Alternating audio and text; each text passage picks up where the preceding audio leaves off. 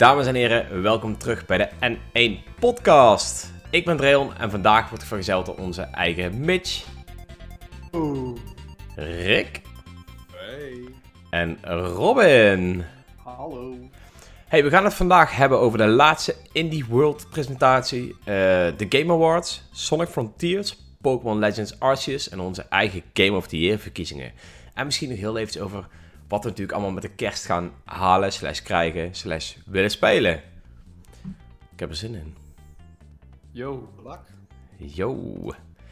Rick jongen, je ziet eruit alsof je Ja. een date hebt vanavond. Ja, Rick, die, eh, die is op zijn kerstbest. Kerstbest. Wie is, eh, wie, is de, wie is de gelukkige Rick? Ik vrees dat dat toch echt mijn hond is, maar... eh, Oh. Je bedoelde voor de hond, hè? Nee. Weet je wat het is, eh, jongens? Kerst is toch altijd wel, zeg maar, weer iets aparts. Hè? Het is altijd weer een, momentje waar ik eh, naar uitkijk. Niet eh, om mezelf helemaal vol te vreten, maar wel eh, om Oh, de vrije wel. dagen die gepaard gaan met meestal een videogame sale. Sommige mensen hebben natuurlijk met, rondom Black Friday al de grootste deals te pakken gehad. Maar Nintendo heeft volgens mij nu ook een kerstsale gaande. En zo hebben volgens mij honderdduizend andere. ja. Ja, dus. Staat daar heel kort nog iets leuks in, uh, Dreo? Eh, niet echt. Eh, ik, ja, mocht iemand van nog geen lid zijn van de, de Discord, eh, kijk vooral even op Coconut Mall, waar voor alles, of waar eigenlijk alle grootste aanbiedingen ingezet worden. Dank aan ehm, Willem. Ja, voor mijn gevoel was het nu iets minder. Volgens mij is er een maandje geleden ook een sale geweest. Die was, naar mijn mening, ietsje beter. Ehm, ja, I don't know. Ik vind, als ik nu ook kijk in mijn eigen wishlist, wat ik nog allemaal wilde, wat er tussen zit, zijn allemaal games die er eigenlijk al super lang in hangen, waar ik op een of andere manier maar niet mee over de streep heb getrokken, tenzij de sale zo hoog is. Ja, dat valt nu wel mee, dus moi. hey, eh, Dion is er een keer bij. Welkom Dion. Mooi man. Dion! Leuk man. Weet je wat ik met kerst heb? Wanneer het kerst is, betekent dat het weer bijna het nieuwe jaar is. Betekent ook weer dat we dus nieuwe games gaan krijgen. En dat vind ik altijd heel erg tof. Ik weet niet. Dat is zeg maar dat kleine stapje naar het nieuwe jaar toe. Of zo. Zeg maar, Gesproken als een echte gamer. Hey, Ja, goed, dat- hè? De rest boeit me ook helemaal nee, dat is niet waar. Nee, Als ik kerstmuts op. Nee, maar het is wel, als ik in gaminggebied kijk, het is nu een beetje dat komkommertijd wat je hebt. Er komt niet echt heel veel nieuws uit. Toevallig dan dat we die eh, Indie World ehm, eh, hadden. Mhm. Als je dan verder kijkt, was er niet echt. ehm, komt er niet heel veel nieuws. Dus dan heb je toch weer een klein beetje van. Oeh, januari. Oeh, februari. Want dan komt er eens Ja. een Nintendo Direct aan of iets dergelijks. Dan. Mhm. dan, dan ik weet niet. Ja, het is altijd dat moment daar naartoe, vind ik vooral eh, inderdaad. Als je dan eenmaal die, die Black Friday sales, et cetera, allemaal hebt gehad. En eh, vaak komt er net daarvoor komen de grootste games uit. En dan is het er vaak een droogte totdat er nieuwe dingen worden aangekondigd. Nou, laten we hopen dat het nu in ieder geval niet al te lang zal duren voordat die dingen worden aangekondigd. Maar ja, goed. Als je al kijkt, 2022 zit al aardig vol.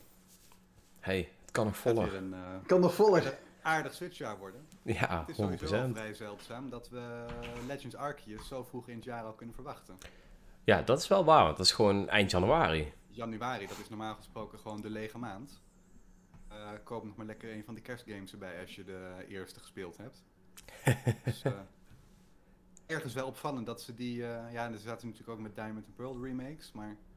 Je zou toch hebben gedacht dat dit de grote game was die ze eigenlijk voor de holidays hadden willen inzetten. Ja, blijkbaar niet. Nou, ik, ja, ze willen het denk ik toch een beetje spreiden. Die Ja. Diamond and Pearl remake is echt de holiday eh, knaller. Ook denk ik de meest toegankelijke Pokémon. hè. Het is Pokémon zoals mensen het gewend zijn van, eh, van vroeger. Dus eh, dat gaat gewoon verkopen als een tierenlier. En verkoopt ook al als een tierenlier. En dan later- We zijn niet oké. Ik wou net zeggen, dus ja, en dan later komt dan eh, ja, de, de meer experimentele titel, zeg maar, voor de mensen die Pokémon dan nog niet zat zijn, of voor de mensen die zo- zoiets hebben van, zoals ik, van, hé, hey, dat Diamond and Pearl, leuk, dat ken ik al, eh geef me iets nieuws. Ja. ja, ja, ik... Zo eh, zie ik het een beetje. Ik denk dat het wel slim gespreid is, want je, hebt, je creëert natuurlijk hype voor Pokémon met die remakes. En je hoopt natuurlijk dat de mensen die de remakes kopen en mensen die de remakes niet kopen, toch zoiets hebben van, hé, hey, dit is nieuw, dit is anders. Dit wil Oh, ik wel eens eh, proberen. Of, hey, ik heb net Pokémon gespeeld, ik wil meer Pokémon. Oh, dit is nieuw, dit is anders, dit wil ik ook wel eens proberen. Ja, ik, ik ben nog steeds best wel enthousiast over Arceus. En de meer trailers ik zie, de meer ik al zoiets heb van, goh. Het kan echt wel een 8 worden, of een 9, durf ik zelf te zeggen. Het kan ook echt keihard een 4 of een 5 worden. Dus het is nog steeds zeg maar een beetje die twee kanten waar het op kan gaan. Maar Hey, Als- eh, ik vind het echt een zeventjes game. Ja. denk ik. Ja. Ik, ik, ik ben benieuwd, want het heeft wel denk ik die loop die ik leuk vind van Monster Hunter. Dus ik ben wel heel benieuwd wat het gaat doen. Ja, eh, nog maar een maandje en dan weten we het, hè? We weten Waarom? vrij weinig eigenlijk, als je bedenkt dat nog maar een maand weg is. Normaal gesproken eh, heb, eh, hypen ze alles al op met eh, heel veel dingen laten zien.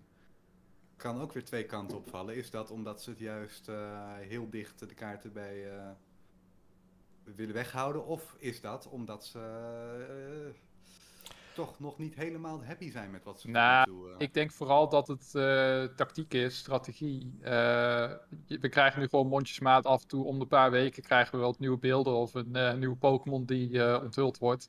Mhm. En naarmate de release nadert gaan ze dat echt wel opvoeren. Maar nu willen ze gewoon de spotlight houden op, eh, op Diamond en Pearl. Die gewoon met de feestdagen, met kerstmis, eh, gewoon nog gewoon keihard gaat verkopen. Dat, dat gaat echt keiharde cijfers wegzetten. Plus, ja, jongens. me dunkt. ik, Want eh, in Japan ja. is, is januari de grote maand waarin veel wordt verkocht. Hè? Dus als, eh, wat, wat Mitch zegt klopt wel. Als ze de, het momentum voor Diamond and Pearl hoog kunnen houden. Ja, hij zit nu al over de 6 miljoen. Eh, dat gaat eh, richting de 7, 8. Het gaat helemaal nergens over. Daar gaat het. Nou, wij gaan in ieder geval ook mee helpen om die hype een beetje eh, te creëren. Ik kan er Ja, niet al te veel over uitlaten, maar eh, we hebben in ieder geval met z'n allen een hele toffe prijsvraag die verzonnen. Die te maken gaat hebben met Pokémon Legends Arceus. Dus hou ook vooral de website in de gaten om, om hier meer over te weten te komen. Maar wij gaan, ja... Ik, ik, ik ben zelf... Ben ik ook nog niet helemaal overstag of ik de game nou meteen wil kopen of niet. Ik heb hem ook niet gepreorderd. Het is een van de eerste Pokémon games die ik niet gepreorderd heb. Omdat ik ook heel erg het gevoel heb van... Of, of het wordt echt een 4 slash 5 of een 7, 8. Dus eh, ja, wie ik weet. denk, maar... weet, het ding is wat je zegt met het mondersmatig eh, de marketing die ze nu doen. Ik denk juist dat het ook heel logisch is. Want ik bedoel, mensen praten dan veel langer over die game. Het is dan veel Mhm. beter om over die game te praten. Ik bedoel, het is net een Netflix- een Netflix-show tegen een Disney Plus-show, zeg maar. Ik bedoel, een Netflix-show kijk je binge-watchen en mensen zijn er klaar mee en praten er niet meer over. Terwijl een Disney Plus-show elke week een aflevering is. Mensen praten Ja. er veel langer over. Dat is zelfs Behalve, met als- deze behalve, als het, behalve als het eh, Squid Game is. Behalve als Squid Game is. Dat Maar- is een heel ander iets. Ja, maar ook, ook die is zeg maar Ja. tijdelijk aanwezig geweest en nu weer weg. Eh, ik vind, ik, ik vind, eh, volgens mij ben jij hem nu aan het kijken of heb jij hem net gekeken, Mitch? Ik heb hem net gekeken. maar je ja. kijkt hem nu eigenlijk ook na de hype, want ik hoor eigenlijk Ja, niks ja. meer over Squid dat, Game. Dat wilde, dus- dat wilde ik eigenlijk ook doen. Ik dacht Ja. van ik ga het gewoon kijken en gewoon zonder al te grote verwachtingen erin. En ik vind het oprecht echt een hele vette show. Het heeft me echt verrast dat het echt wel de hype eh, waarmaakte, zeg maar, voor mij. Nou ja, dat is lightning in a bottle dat je niet kunt garanderen. Zelfs niet als je eh, Nee. Breath of the Ik ben, eh, ik ben zelf, om even een klein beetje off-topic te gaan, vind ik dat model wat ze bij bijvoorbeeld Arcane hebben gedaan, dat ze drie afleveringen releasen en daarna weer drie afleveringen en daarna weer drie afleveringen, dat vind ik echt een mooie middenweg. Ik ook. Dan heb je echt maximale hype nog steeds, maar je kan wel een klein beetje doorkijken. Ik eh, zelf... Ik ben eigenlijk zelf voor het zover dat, dat series die mondjesmaat uitkomen, die kijk ik niet totdat ze er allemaal zijn. dus voor mij is precies... eh, Nee, ja, het is meer... Ik wil iets kunnen kijken wanneer ik het zelf wil en niet wanneer iemand anders bepaalt wanneer ik het mag kijken. Dus dan wacht ik liever gewoon en dan kijk ik het in ieder geval... Net als The Witcher is nu uit. The Witcher eh, seizoen 2. Mhm. Super tof. Maar die wil ik wel op mijn eigen snelheid kunnen kijken. Als ik vanavond zin heb om drie afleveringen te kijken en morgen maar één, dan wil ik dat zo kunnen doen. En niet nu eentje kijken, volgende week weer eentje kijken. En dan, nee, dan spaar ik ze liever allemaal op, zodat ik het zelf kan indelen. Ik heb eh, een hekel dus aan te moeten een, wachten op eh, cliffhangers je en dus zo. Meer een binger, je bent meer een binger dan echt een weekly eh, kijker. Ja, niet echt een binger, maar het is meer... Ik heb er een hekel aan om, om, om te moeten wachten op een cliffhanger. Ik, heb ook een, ik vind het Mhm. ook helemaal niet fijn als een seizoen eindigt met 3000 cliffhangers. Want dan voel ik me niet voldaan hoor. Dan, ja... En dan, Helemaal als je dan ook nog het risico hebt of er wel een eh, volgend seizoen nog aankomt. Oh, ja, Ja, dat, dat is bij Netflix ook heel erg het ding. Ik wacht ook voornamelijk op het echt af van... Oké, slaat hij een beetje aan en zo niet. Dan kijk ik hem gewoon niet, want er komt er niet eens een nieuw seizoen van. En dan... en- Cowboy en- people. Ja, bijvoorbeeld. In mijn, eh, in mijn eh, anime-jeugd, zou ik het maar zeggen, had je dat vaak genoeg tot in één keer dat je een anime aan het kijken was. Yo, die is super vet. Gecanceld. Oké, ja, dan, dan weet ik niet hoe het eindigt. Oké, prima. Ja, daar heb ik Nou ja, over, over onze anime-jeugd gesproken. Een van mijn beste jeugdherinneringen is gewoon, we- is gewoon dagelijks Dragon Ball Z kijken. En dan op het fucking schoolplein komen voor. Wow, heb je dat echt gezien? Wow, Goku kreeg opeens goud haar. Oh, super vet. en dat, dat, dat gevoel, dat vind ik echt leuk. Dat je echt, met, dat je echt met een groep mensen, eigenlijk als het ware, die je niet per se kent of niet per se veel spreekt, of die je wel kent of die je wel veel spreekt, maar dat je die allemaal die serie kijken, wekelijks kijken mensen uit met een nieuwe aflevering. Dat deed Game of Thrones, deed dat echt Ja, heel dat, goed. Had dat iedereen wel. op werk had het daarover en dan kon je gewoon lekker ouwe hoeren iedere keer, in plaats van over het weer te praten. Ja, ik vind, dat echt, eh, ik vind dat wel echt leuk. Ik, ik, ik, ik, ik hoop wel echt dat ze daar, eh, ja, dat dat een beetje is waar het in de toekomst naartoe gaat. Dat er wel een aantal afleveringen eh, uitkomen, maar niet alles in één keer. Zodat het toch die serie net wat langer in het soort van culturele, eh, in de mindset blijft. Mhm. Weet je wel, dat mensen er echt gewoon lange tijd van kunnen, kunnen genieten. En de mensen die het dan in één keer willen kijken, die kunnen gewoon wachten. No Ja. problem. Ja, dat doe ik nou ook, maar ik eh, word er niet per se vrolijk van. Nou ja, maar dat... noem maar even iets. Ik ben eh, Undercover bijvoorbeeld, vind ik ook best een leuke serie. Dan wacht ik maar gewoon, want die zijn nu, komen ze allemaal mondjesmaat uit. Ja, dan wacht ik wel gewoon tot het hele seizoen er is en dan... eh, Om Ja. eh, nog trouwens even terug te komen op Legends Arceus, Apenknul, Ja. die zegt Oh ja, de games. chat, die zegt, eh, oh ja, games. die, zegt eh, dat eh, hij vindt de game er niet echt eh, best uitzien. De personages in de overworld zien er stijf uit als een hark en het spel ziet er razig uit. eh, ja, Wacht vooral op de review op eh, N1 Up. Team Aapknul. nou ja, ik, ik, ik was er zelf ook nog niet helemaal Ik Ja, ik vind, ga hem wel spelen, denk Voldaan. ik. maar- ik moet zeggen, ik vind het een leuke stijl die ze hebben gekozen qua, qua artstyle. Ik ben het er wel mee Mhm. eens dat ik wel wat dingen zag van, ja oké, het is weer een typische Pokémon game met lage animatie. mhm. Maar ik heb Gemaakt ook door vergelijk... Game Freak, ja. Ja, gemaakt door Game Freak. Maar ik zie dan ook wel weer dingen van mensen. Ja, het is net een Gamecube titel. Dan denk ik van. Ik zou toch eens een keer naar een Gamecube titel kijken, want die ziet toch echt iets anders Ja, uit. eh, maar dat is altijd van die onzin vergelijking. Dan ga je het vergelijken met een sub-HD eh, console. Dat slaat natuurlijk helemaal nergens op. Eh, maar wat je wel natuurlijk hebt, is als je het vergelijkt met een... eh, ja, Een ik, eh, ja, inderdaad. Een Breath of the Wild is het meest eh, toegankelijke vergelijkspunt. Of, of een Xenoblade 2. Allebei games die uit 2017 komen. Mhm. Dan is het toch wel karig als je bedenkt Ja, dat we nu alleen- vier jaar later zijn. Xenoblade 2 had ook wel zijn mankementen in visuele stijl. Op bepaalde Ja, in handheld zeggen. modus. Ja. Voornamelijk. hey, we gaan het zien, eh, jongens. Ik, eh, ik Maar- moet wel zeggen dat ik al vaker heb gehad dat ik dacht dat de game er hem- minder goed uitzag totdat ik hem zelf speelde. Dus ja. Hé, wat? Mitch gaat hem niet spelen, begrijp ik daaruit? Of... Ik ga hem waarschijnlijk niet spelen. Ik ga een beetje de kat uit de boom kijken. Hmm. Eh, waarschijnlijk koopt een maatje van mij hem eh, toch wel. Shout-out Jordi als je kijkt. Eh, en dan zie ik hem bij hem wel. Eh, of sowieso, ja, een beetje reviews afwachten. Kijken wat jullie ervan vinden die hem, die hem wel gaan, eh, gaan halen. En als hij dan toch goed uitpakt, ja, dan wil ik hem best wel een, eh, een kans geven. Dan wil ik best wel mijn, mijn Pokémon quotum van één keer in de vier jaar een Pokémon kopen, wil ik dan wel doorbreken als de game echt goed is. Ah, yeah! Ik, eh, ja, ik, ik ga waarschijnlijk een beetje hetzelfde doen. Ik, eh, ik denk dat ik hem wel ga gelijk ga halen. Dat is wel een game waar ik echt wel zoiets heb van. Ja, ik moet ietsje Ja. meer zien. Ik zit nu eigenlijk al van. Ik ga hem halen. Maar er zijn zeker nog wel dingen waar ik kan van zeggen van. Nee, dat gaat toch, toch niet gebeuren. Dus. Oké. Ja, ik zit eh, zelf op het punt van, ik weet wel vrij zeker dat ik hem wil gaan spelen ooit. Het hangt nog een beetje af eh, of ik eh, niet dan nog bezig ben met een andere game. Of ik hem gelijk op de release haal, of hij is in ieder geval nog niet gepre-ordered bij mij. Oké. Nou, ik ben benieuwd. Net zoals ik al zei, ehm, als dadelijk eh, de release een beetje nadert, gaan wij zelf de game ook nog een beetje hypen. Want we hebben wel wat leuke dingen in petto als het gaat om Pokémon Legends Arceus. Dus eh, Ja, dat is dat, een, dat wordt eh, leuk. wie weet Dat, eh, ben ik wel hyped van onze eigen hype. Dat heb ik wel vaker. Dus Ik de denk- Blowout die komt binnenkort ook wel.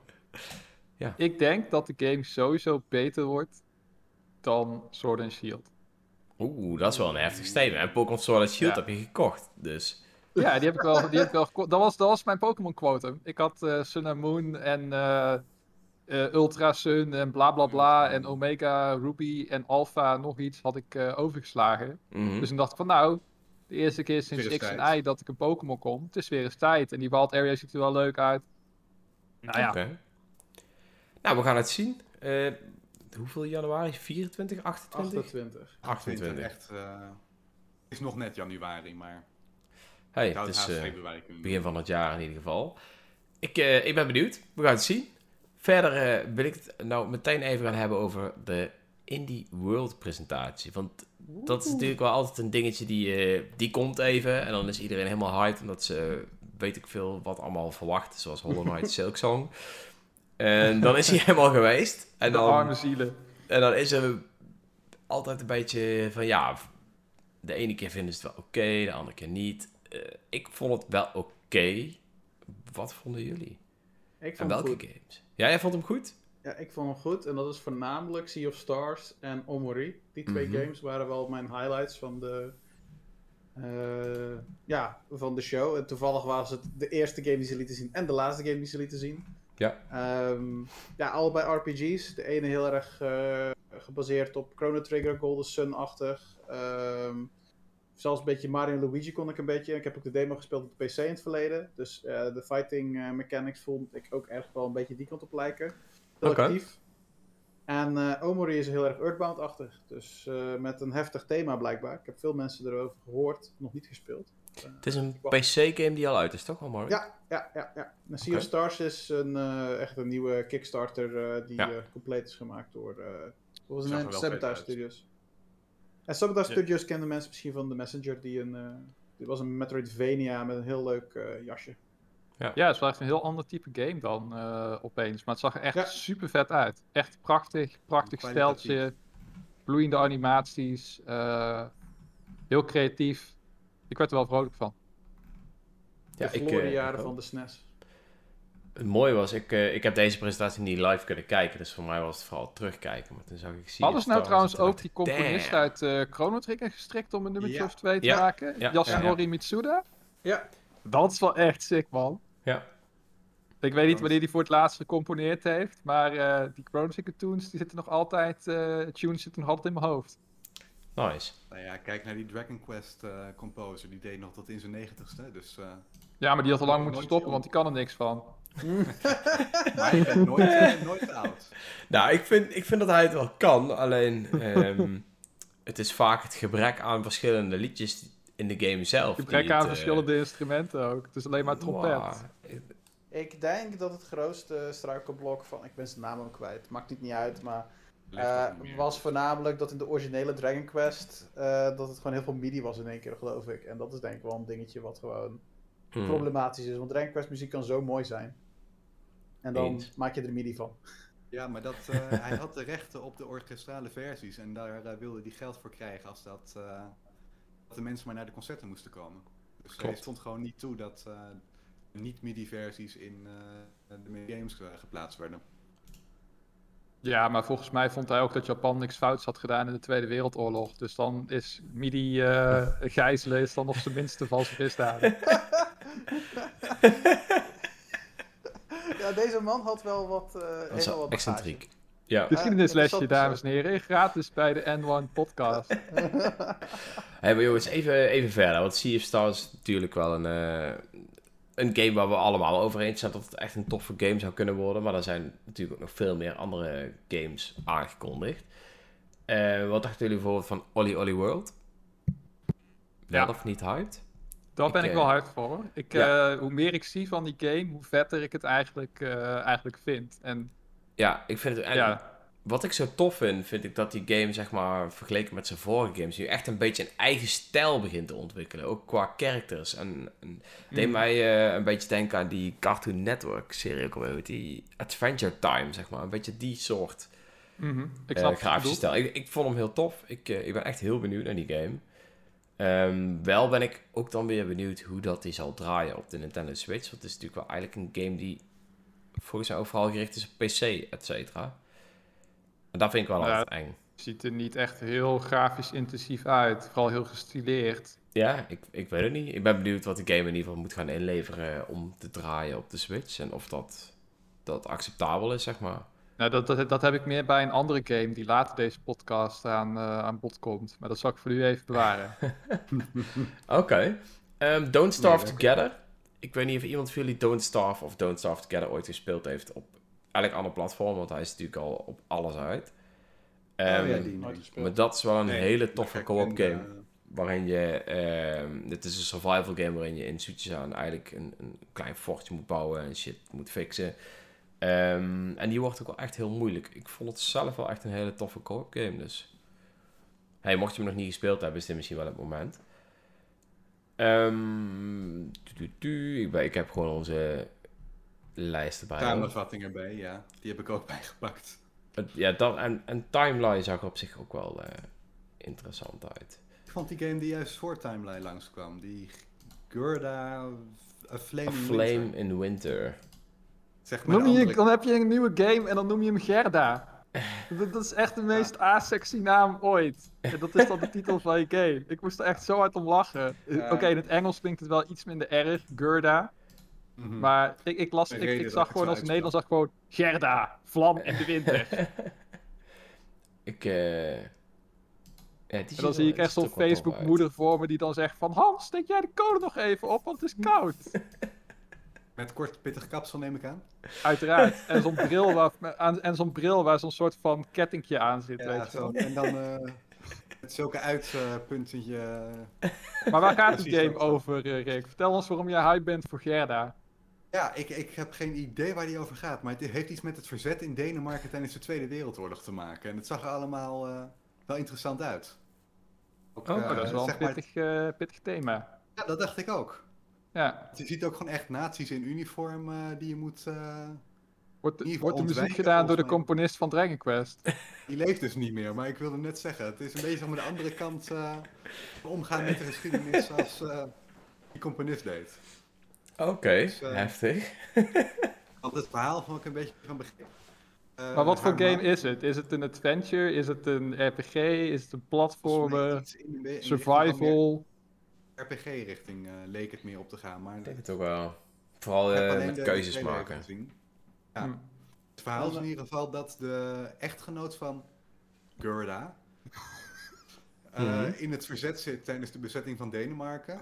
En eh, nou ja, daar ga- lijkt dus iets bij mis te gaan. En dan moet Gerda eh, het stokje van de man zien over te nemen om, eh, ja, ik, ik denk toch de nazi's te stoppen, eh, linksom of rechtsom. Oké, klinkt eh Ja, dat klinkt als een goed idee. Ja? Ja, Klinkt Stop die nazi's. ik zou ze ook stoppen. de, art, de artstijl eh, zag, er, zag er wel eh, Ja. aardig uit. die ziet er op zich wel tof uit, ja. Dus ik... River, Ja.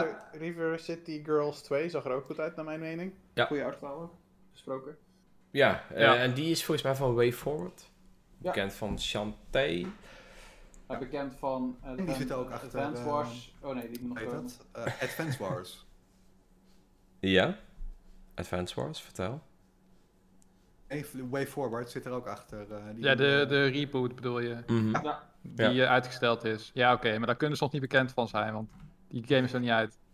Nee, maar het geeft wel aan, het is een indie developer, maar het is wel eentje die door Nintendo toe. Ja, ja, zeker. Ze hebben altijd al best wel een eh, dikke band gehad met, eh, met Nintendo. Natuurlijk ook met Ja. Shantae op de Game Boy Color en daarna elk ander Nintendo systeem wat je je kan. Wat je kan eh, bedenken. En ze hadden ook Mhm. volgens mij Mighty Switch Force, wat volgens mij ook wel lekker verkocht heeft op eh, platformen als de, als de 3DS en zelfs de Wii U kon je dat spelen. Dus Mhm. dat zegt ook wel wat. Ja, nu, Dus ja, nu kan terugkijkend op de eh Indie Direct, Indie World Special of hoe het dan tegenwoordig ook heet, eh zitten er stiekem ook best wel leuke games bij. Die ik in ieder geval interessant genoeg vind om Ik, eens verder te bekijken. kijk, meestal kijk ik in Indie World wel een beetje zo van in de achtergrond. Het is niet een, een, een show die ik heel vaak heel actief kijk, zoals een Nintendo Direct. Daar ben ik Mhm. vaak heel actief bij. Daar ben ik echt aan het kijken van, zorg ervoor dat je nu? aanwezig bent. En, Ja, dat. Maar Ja. bij een Indie World toen was het toevallig van, oh weet je, ik ben er. Er was toevallig visite, maar ik zei, hey, mag, mag het even in de achtergrond aanstaan? Ik ben wel even benieuwd wat er komt. En ze beginnen met Sea of Stars. En dan had ik wel gelijk zoiets van, yo, dit kan een goede show worden. Want dit is wel echt een goede game waar je mee start. En ik vond gewoon een steady show met goede games, goede diversiteit. En heel erg Indie World waardig, omdat je gewoon van heel veel verschillende landen en heel veel verschillende genres echt wel hele toffe games zag. En ja, ik denk, ja, Ja. jammer geen Silksong. Eh, maar goed, ik heb het idee dat dat een. Als momenteel de Half-Life eh 3, geloof ik, of whatever het eh, is, van, van de Indies. Dus we zullen zien wanneer die een keer uitkomt. ja. Ja, dat komt vast wel goed. Maar ik vond het vergeleken met de vorige Indie World, daar was ik heel enthousiast, omdat het echt heel erg eh, niet alleen om 2D-games ging, zeg maar, maar ook echt ambitieuze games met eh, ja, eh, 3D-graphics, om het zo maar te noemen in Nintendo 64-termen. je had Bomb Funk, Cyber Rush, Hupplepup, wat er echt super vet eh, uitzag. Oh, ja. Ja. Je had die eh Aztec eh, actie, Prince of Persia, Zelda-achtige game. Dat miste ik nu wel een beetje. Het was nu wel allemaal net wat kleinschaliger, wat gemoedelijker, wat Het stereotype Wat meer, wat, wat indie stere- ja, 2D. inderdaad. Ja, het stereotype indie. Dankjewel, Rick. Dat, eh, dus dat, ik denk dat, dat ik daardoor een beetje de, de, de wow-factor eh, miste bij deze indie world. Ook al, ook al was het niet slecht, hè. Het was echt niet slecht. Het was ook van eh, degelijk. die Net zoals Gerda. 2D. van die typische 2D eh, indie type games. Daar zag eh, Locomotive, die zat vrij in het begin van... eh, Ja, de- die, Die zag was op vet. zich- dat, die zag, dat was ook heel erg pixel eh, art. Maar dat was dan weer een point-and-click murder mystery detective. weet je waar me dat direct aan deed, eh, aan deed denken? Aan dat hoofdstuk uit eh, Paper Mario The Thousand Year Door, waarin je die trein, dat het Oh, in die helemaal afspeelt trein. op een trein. en dat je met die Pingwing Detective eh, op pad gaat om shit uit te zoeken en zo. Yep. Geniaal was dat. Dat dus als het vet. daar ook maar een beetje op lijkt, dan heb ik zeker, eh, zeker interesse. Want ik vind dat soort ja, mysterie eh, games waarin je praat met personages en moet uitzoeken wie liegt en wie niet en zo. Dat, eh, dat kan echt wel tof zijn. Zeker. Ja, Wat dat betreft is het wel altijd handig dat zo'n indie-presentatie toch een hele, een hele hoop indies even tegelijk in de kijker eh, zet. Want deze had ik anders gewoon echt gemist, nooit gezien eh, dat hij Ja, mee was. mee Robin, eh. Apenknul, die heeft eh, je eh Score Bunny ontdekt. Kun je, Ja, misschien, eh, kun, je, kun je misschien een scoop delen voor deze podcast die wij vandaag hebben? Oh ja, klopt ja. Het is zoals je ziet, zie je hem niet heel goed. Het is een eh Hisuian eh, score bunny. Hij wordt één met het ijs en hij is ghost. Dus het is een ice ghost eh Hisuian score bunny. Alsjeblieft. Oh, wacht, eh, ik vergat nog iets. World premiere! World premiere. Oh, en hij zegt overigens ook dat Way Forward bekend is van eh DuckTales Remastered. Dat klopt. Ja, klopt. Ja, Dat is ook oeh, die was vet. Die was vet. En hij probeert mij ook heel erg te triggeren, omdat hij zegt Skatebird owns Oli Oli World. Skatebird oont helemaal niks, behalve een hoop stront. Oh. Dat was hem. Oef. Ik heb geen mic, maar als ik hem had, zou ik hem droppen. Daar is mijn bier te kostbaar voor. Hé, maar jongens, laten we nog even vlug doorgaan naar het volgende onderwerp. En dat zijn namelijk de Game Awards. Daar blijven we niet Oh ja. al te lang bij hangen, denk ik. Want daar hebben we het natuurlijk Nou. de laatste keer al uitgebreid over gehad. Ehm, wie is de Nou, winnaar? wel, Wie was nou Nou, de winnaar? Sorry. Niemand. Eh Geoff Keighley was de winnaar. Jeff Keighley. Maar wat Ja. was nou de Game of the Year? It It Takes Two. It Takes Ja. Two. Leuke keuze wel, hoor, vind Ja. ik. Ik weet niet hoe jullie erover denken. Ik vond het een prima keuze, zeker als je keek wat... eh kijk, Metroid Dread had ik ook tof gevonden, maar ik denk It Takes Two gewoon ook even een mooi statement was naar de industrie dat je niet per se een triple-A-titel Ja. hoeft te zijn om iets te kunnen winnen. Ik denk dat dat het voornaamste is en dat vind ik fijn dat dan de, ga- de Game Awards, dat dat dan een keer zoiets laat winnen. Ehm, dus ja, ik denk gewoon positief dat dat een keer het geval is. Dus eh, Een, eh, een co-op game. In plaats van een pure Ja. singleplayer eh, ervaring of een battle royale of whatever. Maar echt een, echt een co-op game die je samen met een vriend of vriendin het liefst eh, met elkaar op de bank of voor de, voor de laptop of whatever eh, speelt. Dat vind ik wel vet. Ja, mee en eens. Ook grappig dat eigenlijk voor het eerst geloof ik Nintendo niet won in Family Game. Ja, Dat was was ook It It Takes Two. Alle Ja, andere ja. nominaties waren voor Nintendo. Het is normaal gesproken je wel kunt zeggen van, nou, Family Game gaat doorgaans wel naar Nintendo. Maar eh, ook deze keer niet. Maar wat ook weer interessant was om te zien, ze wonnen dan, eh, ik geloof, heb, heeft Nintendo met Metroid Dread dan Action Adventure Award ge- gewonnen. Mhm. Als je dan keek welke games daarin zaten, dan zou je dus eigenlijk zeggen dat als je dus naar de AAA-titels zou kijken, en het Takes Two had er niet bij gezeten, dat blijkbaar Metroid Dread dus de betere game was geweest van al die titels die daarin zaten. Want ik geloof dat bijna alle titels die in Action Adventure zaten, ook in Game of the Year zaten. En Ja, dat vind ik voor een franchise die zo lang in de vergetelheid heeft gezeten, waarvan Dread gewoon, ja, ik denk acht maanden geleden, als iemand had gezegd Dread wordt gemaakt, dat iedereen je zou uitlachen op het internet. Mhm. Terwijl dat nu in één keer bijna een Game of the Year waardige titel is. En dat ja. vind ik wel, ja, tof. En voor Time Magazine was het de Game of the Year. Dus ja, ik Zeker. bedoel, Voor mij ook, jongens. Voor Dreon. ook. Ja. voor Dreon ook. Fuck Time Magazine. Wat Kijk naar mij. nou? Dreon, die weet het. Die snapt het. Ja, om daar nog even een schepje bovenop te doen. Als je het aan het begin van dit jaar had gezegd dat eh Metroid Dread in de maak was, je werd niet eens uitgelachen. De helft had niet eens geweten. Huh, Dread, wat? Ja. Ja. Nou, ik, eh, ik... Kijk, eh, ondanks dat het natuurlijk eh, geen verrassing was, hè. Het, is, eh, het kwam wel opeens, kwam het uit de lucht vallen. Is het ook wel echt een game die me wel echt positief verrast heeft in echt alle fronten. Want de, gameplay, de pacing, alles was voor mij gewoon perfect. En eh, dat de game binnen een uurtje of 15 uit te spelen was, vond ik persoonlijk niet zo erg. Omdat ik, ik ben de laatste tijd juist iets meer op zoek naar wat kortere games. Omdat ik gewoon veel minder tijd heb om alles maar te spelen. Dus voor mij was het echt eh, een welkome toevoeging aan mijn gamecollectie. Gewoon hoppakee gaan. Het was gewoon één groot spektakel. En ik vond de baasgevecht ook echt heel tof. Eh, ja. Nee, maar het is ook soms Cool. ook gewoon een beetje. eh, soms is dat ook gewoon een beetje net als Tinder, weet je wel. Je hebt soms liever gewoon een korte, strakke game. dan een net iets ver uitgerekte ervaring. Mooi voor, Mitch. Dankjewel. Waar je, waar, waar, waar- waar je te lang, waar je te lang aan vastzit en te veel tijd in investeert. Het gaat Ja. vriendin.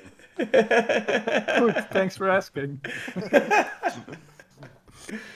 Oh, Maar ja, ik denk, ik vind het wel mooi wat je zegt over Metroid Dread. Ehm, omdat het een game is die gewoon aan één stuk door een goede pacing houdt. Het is geen Ja. game waar een filler in zit, bij wijze van spreken. Nee. En nu vind ik het heel erg om filler te zeggen met de nuance die net eh Mitch zei over Tinder en daten met filler. Maar Eh, ik bedoel, het is een game, als ik kijk naar RPG's bijvoorbeeld, daar heb je soms van die momenten, die zijn dan traag. En dan kan je er niet doorheen komen. Ik denk dat Xenoblade Mhm. 2 een goed voorbeeld is waar heel veel mensen moeite hebben met de eerste, laten we zeggen, drie hoofdstukken uur. in de game. Ja. En daarna in één keer knalt die game omver. En Ja. dan is het echt gewoon een game 9, 9,5, whatever. Metroid Dread is gewoon consistent een goede game. En Mhm. het is kort, je wilt er misschien meer van, maar het is eigenlijk net genoeg om gewoon te zeggen: Ik ben blij, ik heb genoeg gehad, dit is gewoon een Ja. goede game. Ja, nou, zo vond ik Precies, ook, en ja. sowieso 15, als je er 15 uur uithaalt of zo, dan, eh, ja, ik vind dat persoonlijk, vind ik dat echt niet kort. Het is misschien kort voor JRPG-begrippen of voor Zelda-achtige games, weet je wel. Dat soort Mhm. spellen. Maar gewoon voor een action-adventure game is het gewoon best, eh, best prima. Ik bedoel, die oude Ja. God of War, die had je ook in een, eh, in een uurtje of 15 à 20, had je die wel uitgespeeld. En als je snel was, dan kwam daar echt wel in, eh, misschien nog wel sneller. Ja, daarom. En kijk, het mooie vind ik zelf is, is als je dan naar Metroid kijkt. Ik vind de, dit, dit soort Metroid games, hè, dus de 2D Metroids, is, is dan ook prima. Een uurtje of 10, 15. En zolang in Metroid Prime net iets langer kunnen steken, dan vind ik het goed. Vind ik een, eh, een mooie combi, zeg maar. Ik, eh, Metroid games zijn ook wel een beetje titels die je speel je vaker dan één keer. Omdat je steeds sneller Ja. de game wilt spelen. Het is echt een game voor speedrunning gemaakt. De eerste keer dat je het speelt is zo van, oké, waar zit alles? Oké, lekker 100% klaar. Oké, nu wil ik hem op hard mode spelen. Oké, nu wil ik hem gewoon in drie uur uit kunnen spelen. En zo ga je, blijf je bezig. Ik bedoel, ik geloof dat die game nog steeds heel populair is in de speedrun eh, community. oh, dat geloof ik ook wel. Er werd is toen al ja, twijfels eh, geprobeerd. Eh, moet wel speedrunnen je ding zijn. Op zich vind ik speedrunnen wel vet. Eh, maar dan voornamelijk in platformers. Dus ik heb het eigenlijk nog nooit echt geprobeerd met een, eh, met een, eh, met een Metroid game. Omdat ik ook wel... Ja, ik weet niet. Ik vind juist het ook wel leuk dat je eh, echt veel kan ontdekken in die game. En de combat en dat soort Mhm. zaken, weet je wel. Daar wil ik ook eigenlijk niet te snel doorheen rushen. Maar, Eh, maar misschien dat ik met Dread wel een keer ga proberen. Want ik moet die game nog steeds eh, spelen. Dus als ik dat nog voor eh, 2021 het einde moet doen, moet ik hem waarschijnlijk wel een klein beetje gaan speedrunnen. Hey, je hebt nog eh, anderhalve week of zo. 15 uur. Ja. Hey, ik heb Squid Game gisteren ook afgerond, hè, dus eh, ik mag bijna door naar 2022. Heel mooi. Heb je had Arcane ook afgerond, toch? Zeker, ja, ja, die had ik Ah, al dan eerder. mag je eh, door, dan in, mag je eh, door. ja, Dan mag ja, je ja. door. Hele goede Hey. aanrader trouwens. eh, Oké. Maar tijdens de Game Awards is er wel iets. Want er werd eigenlijk vrij weinig voor Nintendo aangekondigd. Maar we hebben nog wel één ding aangekondigd zien worden. Wat vinden we ervan? Sonic Frontiers. Niet allemaal tegelijk. Doodse, doodse stilte. Oh ja, die game. Ja, het was weer echt Interessant, Echt zo- maar typisch Sonic dingetje, weet je wel. Zo van, van nu is alles open world gegaan. Hé, hey, Sonic gaat dat ook doen. Dat is echt gewoon van... Ik moet, kijk, wat ik wel heb, ik vind het wel steeds wel meer worden van wat voor effect Breath of the Wild heeft gehad op de, op de open world landschap, zeg maar. Het is wel heel overduidelijk, want opeens Mhm. de trailers zien er allemaal een beetje hetzelfde opgebouwd uit. Ja, Alleen ze raken toch niet op dezelfde manier. Ehm, zoals de tunes en de muziek bij Sonic Frontier. Toen ik het zag, ik vond het een mooie trailer. Laat het even eerlijk zijn. Het was een mooie trailer. Ziet er heel vet uit. Maar het gaat waarschijnlijk poep draaien op de Switch. Dat kan niet goed gaan draaien. Dat kan gewoon niet. Dat, dat lijkt me heel sterk in de, wat ik daarin zag. Maar het idee erachter lijkt me heel interessant. En het zou best wel een hele goede titel kunnen worden. Ook al lachen mensen er nu over. Sterk, sterker nog, de, de frames die dropten al tijdens de trailer in sommige dingen. Ja, en dat was gezien. Nou ja, goed. de dinges, ja. Nee, maar... hey, dat hebben we ook bij Arce- eh, Arceus gezien. En dat is ook uiteindelijk verbeterd van wat we nu zien. Dus ik bedoel, er is Mhm. hoop. Nou, Dus ik, Ik denk dat Sonic Frontiers nog beter gaat draaien dan Arceus. nee, maar, dat sowieso. maar als we de graphics zeg maar even achterwege laten, denk ik wel dat Sonic dan misschien zich dan juist wel eindelijk leent voor zo'n wereld. Want wat ik het vervelende vond aan de 3D Sonics, is dat die games eigenlijk te snel gingen voor, ja, voor wat je eigenlijk allemaal kon qua bewegelijkheid. Ik vond dat het in eh, bijvoorbeeld de Sonic Adventure 2 Battle was op zich nog wel oké. Maar hoe, hoe later en hoe meer games dat op een gegeven moment ging het eigenlijk gewoon te snel en, en miste je eigenlijk gewoon alles als je een keer op volle speed wilde gaan. Dus deed je dat eigenlijk nooit. En Nou, als denk, je het over speedrunnen hebt, dan heb je het eigenlijk over die moderne Sonic games, zoals Sonic Generations. Want die games zijn eigenlijk een soort trial and error. Van de eerste keer denk je van, oh, dat gaat veel te snel. Oh, kut, nu run ik tegen een muur aan. Oh, kut, nu ren ik tegen stekels aan. Oh shit, nu zijn de vijanden daar. Maar als je die steeds drie, vier of vijf keer speelt, dan weet je op een gegeven moment waar alle struikelblokken zitten. en dan kan je dat zeg maar als het ware masteren om er echt op volle snelheid doorheen te gaan. En dat Ja, voelt allemaal heel lekker. maar als ik even, dat is nou net precies hetgene wat ik niet zoek te doen in zo'n game. ik zoek het niet op de level 5 keer nu uit te spelen, maar ik vind de snelheid van een Sonic game wel leuk. Maar voor mijn gevoel eh, gaat het te snel eh, ten opzichte van, van hoe het gameplay technisch gaat. En ik denk juist dat zo'n grote open wereld daar misschien dan wel juist een beetje de goede handvaten voor geeft, zodat je er wel weer eh, snel kunt zijn. Omdat die wereld zo groot is en je misschien alles iets, iets Nee joh, op een andere Je rent manier gewoon je quest time. markers eh, keihard voorbij. Dan eh, zie je Ja, een NPC weet. staan en denk je, oh, quest aannemen. En opeens ben je twee kilometer verder. Oh, kut, moet ik weer teruglopen. Maar dat gaat dan net zo snel, hè? Nou ja, ik, eh, ik, ik ben benieuwd. Misschien kan het wel iets toevoegen, maar ja, ik zelf ben al een tijdje uitgekeken op Sonic. Maar Het risico zit hem natuurlijk wel in de loading times en de pop-in. Want dat is natuurlijk, zeker als je zo snel gaat in een open wereld. Heb je soms al met eh, Breath of the Wild of eh, dat Legends Arceus of zelfs de, de Wild Area of wat dan ook. Alles wat op de Switch uitkomt. Dat je toch soms hebt van oeh, die hadden we Mhm. eerder moeten zien. Ik ben vooral benieuwd hoe groot de wereld wordt. Want je moet je bedenken, als je in Breath of the Wild op volle snelheid op je paard gaat, dan kun je volgens mij van de ene naar de andere kant van de map in ongeveer tussen de 30 en 40 minuten. Nou, als je dat twee keer zo snel maakt, dan heb je al 15 minuten. Maak je drie keer zo snel, dan weet je, de Sonic gaat Hmm. snel. Mhm. Dus ik ben benieuwd hoe ze zijn snelheid gaan nerven of niet. Want als er één ding is wat Sonic games missen, moderne Sonic games, is het budget. Want als je die, eh, die games zijn gewoon heel duur om te maken. Die levels moeten namelijk gigantisch zijn. Dus of je moet dan gaan random generate als het ware. Dus dat je een AI het werk laat, eh, laat doen. Om zo eh processortijd en, en effort en op, budget ja. te besparen.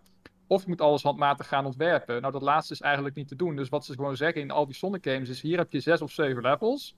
Speel ze maar 50 keer. Met iedere keer een andere kleine kutmissie om verder te gaan. Dat is wat ze iedere keer doen sinds eh, Sonic Generations. eh, die ene game met, eh, met de weerwolf. Sonic and the Secret Rings op de Wii. Sonic Lost World en zo. Al die games hebben hooguit 7 levels. Die je gewoon 40 keer moet spelen voordat je de eindbaas mag, mag zien. Dus ik ben heel benieuwd hoe ze dat deze keer gaan doen. Ja. Ik denk ook misschien dat je realistisch nu moet zijn van misschien is deze game ook helemaal niet. Het komt op de Switch uit, maar het is helemaal niet een game voor de Switch. Dat Omdat ook. het- Nee, zeker. ja. zeker. En dat is uiteindelijk ook iets dat je denk ik nu, en dat hebben we vaker ook al denk ik ook al genoemd, dat de Switch begint gewoon ouder te worden. Begint nu ook te zien dat het gewoon niet mee kan gaan met de grote jongens. En dat bedoel ik dan de PlayStation 5 en de Series X. Ja, dat is nu eenmaal zo. En ja, goed, dat, dat, dat is dan even waar je misschien een jaar doorheen moet beuken. Ik bedoel, ehm, we zullen het zien hoe het gaat draaien. Misschien draait het juist wel heel goed. eh, en is het gewoon op een hele mooie manier kunnen ze het naar beneden eh, fine-tunen, zullen we het zo zeggen. En dan draait die opeens eh, perfect en is het de beste titel. Maar ik heb er hard over. 22, toch? Die gepland staat. Eh, 20 ja. December. ja. December, dacht Ik dacht. Ja. holiday inderdaad. Dus nou ja, misschien eh, dat het tegen die tijd... eh, Mag Wat het over tegen Breath of. Wild 2 misschien? Dat we in de volgende podcast hilarisch- eh, dat met een kersttrui zijn. zitten en zeggen: Het is vet. Het is vet. Maar dat gaat niet gebeuren, jongens. dat, Dat ik van- die- ik gun dat- het Sonic wel, maar... Ja, dat wel, maar ik, ik, ik weet het niet. Ik, eh, Wa- Wat was de laatste Sonic game 3D die jullie gespeeld hebben? Even voor mijn beeld. Sonic Adventures 2. Damn, son, you old. Nee, ik, voor mij was denk ik wel een later, maar ik ben even aan het denken welke het ook alweer was. Heb je Generations gespeeld? Colors? Nope. Nope. Generation misschien wel. Unleashed? Nee, Lost World? die wel. Oké, oké. Maar die vond ik Maar ook ik ben nooit echt Sonic-fan geweest ook, denk ik. Ik heb nooit de Sega gehad, dus ik ben ook nooit opgegroeid met Sonic. Dus Adventures 2 kwam gewoon en toen ik ben gewoon verslaafd geraakt aan die Chow Garden. Die- Ja, ik ook. Chow Garden. Ja, En die ik had pas Chow een leuke discussie met iemand. Toen was het zo van, ja, maar vond je Sonic Adventures nou echt leuk? Of is het de levels die je de hele tijd speelde die leuk waren? Precies van, dat is een goed punt. Want ik heb waarschijnlijk alleen maar de levels gespeeld die ik leuk vond. Die City Escape of zo, die vond ik wel vet. Ja, Dat die was gewoon vet. Die, wel- hebben we wel gelijk Ja, maar dat, dat kan dus Ja. niet in Sonic Adventure 2, hè? Je moet daar alle levels eh, spelen, waarbij je iedere keer switcht tussen Sonic, dan een stukje ja, ja, met ze of wel allemaal Eggman. Ja, ja, precies. Maar Dus het is niet zo dat je zeg maar kan kiezen van, oh, ik wil alleen de Sonic levels en alleen de Shadow levels eh, spelen. Hmm. Het was meer van, dan heb je waarschijnlijk wel de leukste... Want heel veel Hmm. mensen zeggen Sonic Adventure 2 is vet. Maar dan, dan zeggen mensen ook, ja, maar zijn dat, is het echt een goede game? Of Nee. is het een game juist waar je van de leukste levels van elk personage hebt gespeeld om bepaalde dingen te unlocken voor je Chow Garden bijvoorbeeld?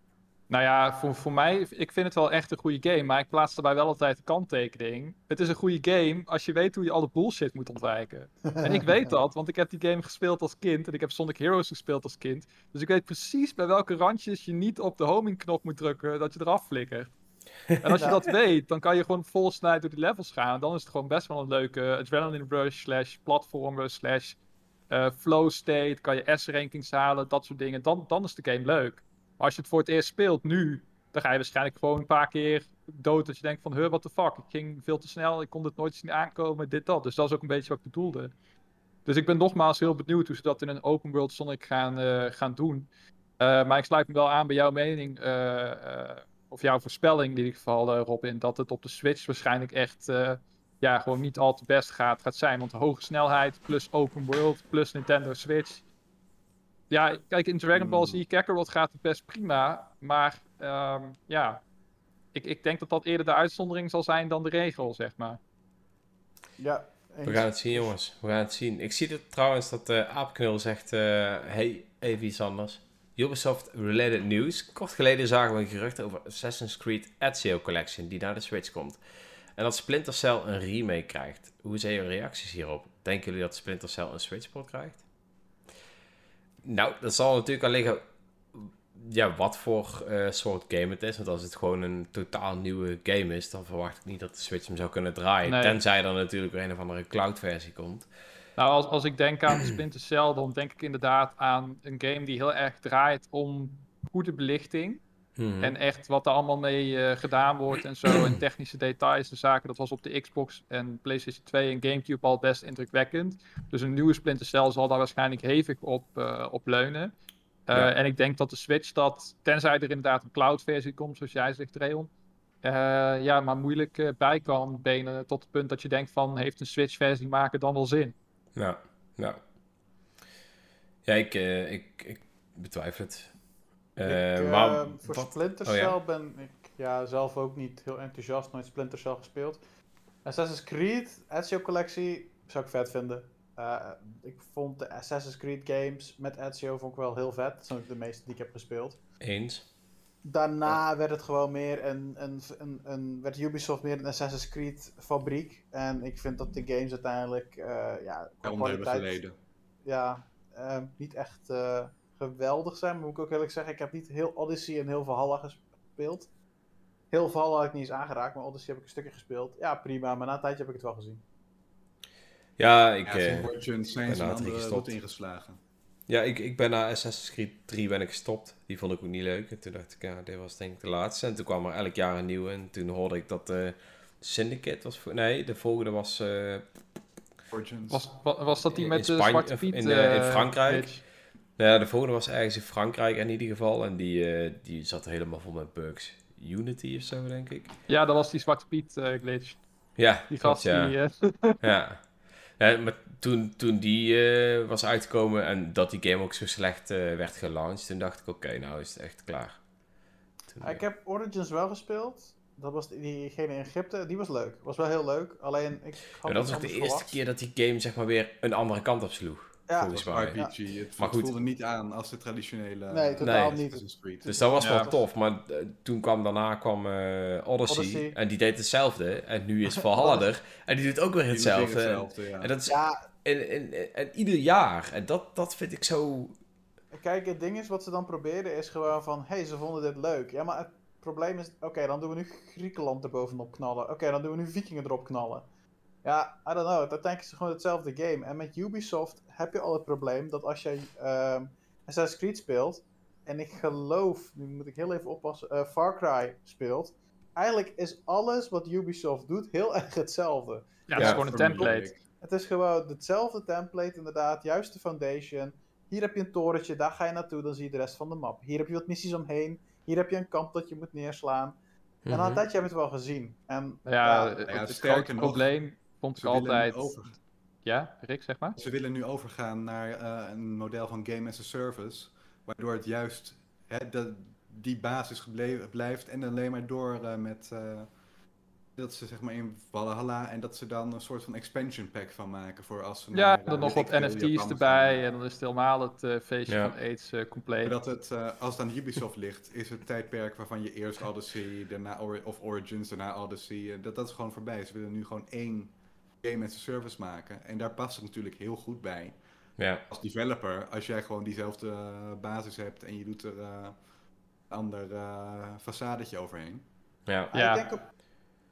Nou ja, weet je wat het probleem is altijd met die Ubisoft games, en Robin omschreef het al een beetje, maar het is altijd, je hebt iets van vier of vijf missies in de game en ze worden 20 tot 30 keer copy-paste en dat is dan je content. En je hele, lijst, je hele map staat vol met icoontjes, maar wat je eigenlijk gewoon aan het doen bent, is een boodschappenlijstje afvinken. Ja. In plaats van iets ontdekken, ben je een boodschappenlijstje aan het afvinken. Dus ik vind die games, ik noem ze ook altijd boodschappenlijstjes simulators. Want dat zijn het gewoon. En om terug te komen op Sonic Frontiers, ik hoop dat als het op quests of dat soort dingen aankomt, dat ze in ieder geval meer de richting op gaan van Breath of the Wild. Van hé, hey, hier is een blanco map, ga zelf maar shit ontdekken en dan verschijnt het als icoontje op je kaart. Zodat je later naar terug kan keren. Dan dat ze echt het Ubisoft template gaan, eh, gaan vormen. Want dat Mhm. zijn een beetje de twee eh, grote stromingen, heb ik nu het idee, in de open world eh, eh, genre. Er zijn aan de ene kant Breath of the Wild, aan de andere kant als uiterste eh, Assassin's Creed en de Ubisoft template. Waarbij wel opgemerkt moet worden dat natuurlijk de Ubisoft template door veel meer games eh, gebruikt wordt. Omdat het ook Hmm. gewoon, laten we eerlijk zijn, makkelijker is. Goedkoper, veel goedkoper. Ja. Ja. goed, ik bedoel, ik wou zeggen inderdaad, als je kijkt naar bijvoorbeeld een Spider-Man op PlayStation, doet eigenlijk precies hetzelfde wat Ubisoft doet. Want in principe doe je tien keer hetzelfde, alleen in plaats van dat je op de grond de hele tijd je slinger overal heen. Het heeft goede gameplay. Dat en dat was maakt leuk. het juist anders. Het, het Ja. maakt het leuk. Ja, ja. Ik, eh, Maar het is wel. Het Had ook niet veel langer moeten zijn, maar eh, dat was... Maar dat is het probleem. Na een tijdje, als jij zoveel open world titels gaat spelen, die hetzelfde template gebruiken Hmm. over verschillende bedrijven, dan worden die games gewoon saai. En dan maakt het waarschijnlijk ook niet eens uit dat je misschien een Breath of the Wild 2 gaat krijgen. Als die precies hetzelfde gaat doen als één, bij wijze van spreken, dan heb je misschien ook veel sneller die game al gezien. Dan heb je zoiets van, ja, oké, dit is niet wat ik had verwacht. Het is gewoon eigenlijk een mindere game nu. Weet je, dat, dat, dat is wel het gevaar waar je in gaat zitten. Het lijkt overigens niet het geval te zijn. Hè? Er zijn wat eh, patenten gelekt. ja, Klopt. zeker. Ja. Onder andere van die eh phasing door de rots heen, toch? Om mee te werken. Ja. En Klopt. Rick, Rick zijn PC valt stopt weer. Ik, ik, zit er, ik zit er op mijn kerstbest bij, maar mijn internet eh, heeft eh, een paar Tijd. keer eh, meer storingen dan normaal. En het was al nooit je van het. Maar maakt niet uit, je bent er, eh, je bent er nog. Ja. Eh, nee, maar met, met betrekking tot Breath of the Wild 2, ik vind het op zich wel vet dat ze... In het begin vond ik het irritant, maar ik vind het nu wel vet dat ze zo lang de tijd nemen. Puur omdat ik benieuwd ben van, hey, waar komen jullie nu eigenlijk eh, mee? Hier is hopelijk wel echt goed over nagedacht. Van, we gaan niet zomaar Breath of the Wild 1 eh, alleen maar evalueren, maar we gaan echt wel iets, iets, iets hier bovenop gooien, iets nieuws maken. En niet alleen maar die map recyclen. Dat hoop ik nog steeds. Ik hoop nog steeds dat de grote aan- aankondiging wordt van de nieuwe trailer van, hey, we hebben dezelfde map als eerst in basis, maar eigenlijk is alles totaal anders. Het voelt heel erg als. En dat wou ik eerder ook zeggen, want we hadden het over Foundation en over dingen heen bouwen. Ik bedoel, toen we in Nintendo 64 tijdperk zaten, werd Ocarina of Time was de basis, die was klaar. Toen werd Majora's Mask met dezelfde assets gemaakt, waardoor je Yep. een, een game kon maken veel sneller in dit geval. Wat ze nu bij Breath of the Wild 2 of Breath of the Wild sequel doen, is gewoon van, oké, we hebben de basis en daar gaan we bovenop bouwen. Dus we maken het gewoon veel beter, pakken veel meer Mhm. tijd. En ik denk dat je hier nog een betere game uit gaat krijgen. Ik ben er heel enthousiast over. En ik denk dat dit echt wel een hele sicke game gaat worden. Dus ja, Ja, en, en dat Zeker. niet alleen. Hè. Kijk, het, het grote voordeel, dat ik, ik zat er net ook even over na te denken, bijvoorbeeld als je kijkt naar de, de, de Bethesda games, die doen eigenlijk ook allemaal altijd hetzelfde. Maar die games die komen om de 6, 7, 8 jaar een keer uit. En dan is het ook niet erg dat het iets meer van hetzelfde is, want ze worden niet ieder jaar uitgepoept. Nee, En, dat klopt. en ja. dat is met Breath of the Ja. Wild 2 dadelijk ook, hè. die game die gaat misschien wel voor een gedeelte hetzelfde zijn als Breath of the Wild. Maar laten we zeggen dat, dat van degenen die Breath of the Wild 2 spelen en 1 hebben gespeeld...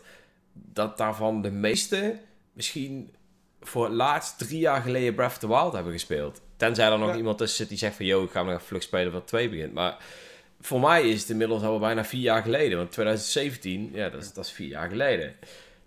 Vijf bijna. Dus, dus als ik daar, ook al moet ik dadelijk nog een keer Breath of the Wild spelen, even heel flauw gezegd, dan kan ik dat gewoon wel. Het is alweer zo lang geleden. En eh, ik denk dat dat natuurlijk ook wel een, een klein voordeeltje is. Iedereen hunkert nu ook wel naar een nieuwe Zelda-game. En als die wereld een beetje hetzelfde is, is dat niet zo heel erg. Want de meeste, eh, hoe moet ik zeggen, ik ben het meeste wel vergeten, zeg maar. Tenminste, de meeste details. Ik weet nog steeds wel hoe de wereld in elkaar zit als het gaat Globaal, om het... eh, als, ik- als ik de kaart een beetje zie, maar, maar voor de rest, nee, ja. Qua details Ik weet ik niks Ik heb in... eh, oh, ga je eerst maar Robin? Dank je. Eh, lul al te veel. ik, eh, ik denk dat, wat ook wel wat je als een Nintendo-fan hebt, dat wij redelijk van hetzelfde houden, denk ik. Bedoel ik Mhm. wel. Ik bedoel, Pokémon games verkopen goed en dat is nou niet elke keer heel anders, om het maar te zeggen. Mario games zijn vrij hetzelfde. Ja, tuurlijk, het heeft net een andere variatie, maar toch hebben blijkbaar die IP's van Nintendo iets wat heel veel mensen blijft aantrekken, ook al is het vaak toch wel dezelfde foundation. En dat mis je dan toch in die titels van een Assassin's Creed. eh, of dan Open World, whatever. En dan noemen we nu Sonic Frontiers, waar we het net over hadden. Ja, ik ben heel benieuwd wat, wat daar juist dan die verschillen in zitten. En wat we daar dan, eh, waarom dat Nou ja, dan wel ik- leuk blijft. Ik denk dat als Nintendo elk jaar eh, een nieuwe Mario of een nieuwe Zelda uitbrengt in dezelfde stijl. Dus dat je niet eh, de 3D en de 2D's eh, gaat. eh, volgens mij zit ik weer in de. Nee, nee, nee, we horen je nog. Nee, Ja. nee, we horen je, Rick. Nu val je eventjes weg, maar eh, we horen Ja. je wel. Oké. Eh, ik ben weer terug als het goed is. Ja, ja, ja. De, als Nintendo elk jaar een, eh, een nieuwe 2D Mario of elk jaar een nieuwe 3D Mario eruit gaat. Een dan nieuw gaat Super Mario Bros. Ja, da- dat gaat Ja. op een gegeven moment ook vervelen. Ja, En dat ging ook vervelen. Verdomme. Wat waren die games saai na een tijdje. DS-versie? Cool, vet, leuk. Terugkeer van 2D Mario. Wii-versie? Oké, multiplayer, best tof. 3DS-versie? Eh, moet dit nou echt, jongens? Wii U? Is dit de launch game? Hm. Gaan ze hiermee launchen? ja. Wat is dit voor goedkope bagger? Nou ja, oh, er is één level wat een Van Gogh achtergrondje heeft. Nou, lekker gewerkt, pik. Nee. Eh, maar wat jij zegt, Robin, eh, heb ik juist totaal niet bij Nintendo-titels. Eh, tenzij eh, ze op hetzelfde platform uitkomen. Dan lijken ze soms wel. nou ja, dus Mario Bros. is een, is een voorbeeld. Maar vaak als je naar een nieuwe Nintendo-console gaat, of je hebt betere tech, of je hebt een of andere gekke vernieuwende besturing. Waardoor een Mario Galaxy totaal niet lijkt op een Mario Sunshine. Nee, tot ben ik tot het mee punt dat ik mensen ken die Mario Galaxy helemaal niks vinden. Maar Mario Sunshine geweldig vinden. En Mario 64. Maar Galaxy, veel te lineair, veel te kleine wereldjes. eh, veel te veel. ehm, ja, mist het gevoel van verkenning, van vrijheid, dat soort zaken. Eh, wat ook weer helemaal terugkwam in een Odyssey. Dus die vonden ze dan wel weer eh, geweldig. Dus dat zijn voorbeelden. Kijk, je hebt natuurlijk ook franchises als Pokémon, waar gewoon vrij weinig verandert van, van game tot game sinds een tijdje geleden. Eh, maar over het algemeen denk ik dat Nintendo franchises eh, het over het algemeen wel heel goed doen. Kijk, ander voorbeeld wat in de andere richting zit. Metroid Prime 2 lijkt natuurlijk vrij erg op Metroid Prime 1. Maar dat komt omdat ze op dezelfde console uitkomen met ongeveer dezelfde tech en dezelfde besturing. Mhm. Dus dan vind ik dat ook enigszins logisch dat het eh, wel vrij vergelijkbaar is. Ja, nee, eens. Ja, ik, ik, ik ben benieuwd. Wat allemaal te bieden heeft, jongens. En juist omdat Nintendo vaak soms maar één game van een franchise per generatie eh, uitbrengt, weten ze dat ook wel fris, eh, fris te houden. Dus dat doen ze echt wel, eh, echt wel goed. Ja, ja, plus dat ze toch wel 9 van de 10 keer zeg maar echt gaan voor een, een spelmechaniek. En daar dan Mhm. alles omheen verzinnen. Dat. En ik denk dat dat, Precies. dat is dan ook Ja. wel het, het gouden, de gouden regel van Nintendo, zeg maar. Want zij zeggen gewoon van, oké, dit vind ik een leuk gameplay element. Bij welke game past echt. het? Of, hè, eh, zo, die vrijheid hebben zij ook wel. En Dat dat, is wel mooi. Uitbuiten, uitbuiten, polijsten, polijsten, polijsten, tot ze echt alles eruit hebben gehaald. Ja. Ja, Ja, denk, denk aan die stofzuiger uit Luigi's Mansion. Dat is echt geniaal. Dat Ja. was, daarvoor was dat nog nooit gedaan. Luigi's Mansion krijgt nooit die credits dat het echt een super vernieuwende game is. En in zekere Mhm. zin qua eh, opbouw en eh, dat soort dingen is het het ook niet. Maar die stofzuiger mechanic, dat voelde zo goed. Ja. Dat, dat spoken vangen en dan die stick een beetje zo tilten zo in de tegenovergestelde richting. Ja. Voelde echt fantastisch. Het feit dat je kaarsen kon uitblazen, dat je vuur kon spugen uit dat ding. Ja, klopt. Het werd, het, het, werd, echt- het werd echt door de hele game eh, verweven. En sommige spelontwikkelaars, bijvoorbeeld zo'n Platinum Games met Asphalt Chain, die doen dat ook. En die Ja. maken ook fantastische eh, games eh, in mijn optiek. Nee, eens. eens. Om het dan toch weer even terug te brengen naar de sequel eh, to Breath of the Wild. Mhm. Eh, dat is natuurlijk ook die vernieuwing die we hebben gezien met niet alleen meer een physics engine te hebben, maar zelfs een chemistry engine, waardoor je juist alles, elk personage, de hele wereld, als jij daar een, ehm een torch bij hield, of een fakkel dus in het Nederlands, Mhm. hè, dan gingen dingen of in de fik, of begonnen te koken, of hè, de, sommige dingen, alles kan Ja, ehm, magnetisch zijn, elektra gevoel. ja. ja, en nu val je weer weg. Ik denk dat dat de magneten zijn. ja. Wat beter van Breath of the Wild. Oh, Ja. daar is hij Nee, weer. dat, eh, nee, dat gaat hier echt. eh dus, dus stoort hier iets. Nog een keertje extra bovenop wat ik normaal heb. Eh, Maakt maar Maakt niet uit, Mijn Rick. punt was dus dat dat allemaal. Helemaal in elk element van de wereld. Elk personage, alles wordt erdoor geraakt. En dat Mhm. maakt het zo vernieuwend, vernieuwend Breath of the Wild. Ja. Dat is ook waarom heel veel mensen tot op het eh, puntje hebben uitgeperst wat ze eruit kunnen halen. En met al die belachelijke runs waarin ze eh, met 100 km per uur Ja. eh, door de lucht vliegen omdat ze een bom Ja. keer Ja, nou, op Ja, door Valley Scale. eh, Maar dat was natuurlijk ook niet het enige vernieuwende. Hè? Want, want, wat ik zelf het meest vernieuwend aan vond, is het, dat het juist probeert te doorbreken wat toen heel erg het probleem was met open world games. Dus ja, wat we nou dus net allemaal noemen. Hè? Van je gaat daar naartoe, je unlockt een hoop vraagtekentjes en dan kun je allemaal naartoe. Wat ze zo goed deden, was die, die toren de grond uitpompen. Jij gaat daar staan en jij ziet dingen die interessant zijn. En, en omdat jij die interessant vindt, ga je kijken. En dat vond ik het toffe aan, wat, wat Zelda anders deed eh, dan alle andere open world games op dat moment. Want alle open world games waren op dat moment Ja. alleen maar aftikken, aftikken, afvinken, afvinken. En nu was het gewoon, oké, die toren die staat er, je gaat erheen en je, jij denkt van, oh, dat vind ik interessant. Daar ga ik heen. En, en, en doordat ze dat juist uitprobeerden, werd even het hele open world genre even gewoon nieuw leven ingeblazen. En dat daar dan bij kwam dat je zoveel dingen kon doen en kon uitproberen. En dat maakte het natuurlijk af. Maar ik denk dat, dat dan, naar mijn mening, misschien wel de grootste eh, eye-opener is geweest voor, voor open wereld games. Nou ja, Ze ik denk niet alleen dat. Ik denk ook als je kijkt naar... Breath of the Wild beloont je altijd. Maar waar je Mhm. ging, het beloont je op een bepaalde manier. En als ik ook kijk bijvoorbeeld naar Xenoblade, bijvoorbeeld, bij de games, deed dat ook eigenlijk best wel goed. Van, oké, je krijgt experience voor dit te onderzoeken. Je krijgt experience voor dit. Oh, daar zit de sidequest. Ja, En ik denk juist dat die dingen juist zo erg tof zijn van op- open world of semi-open world games, dat ze exploration positief maken.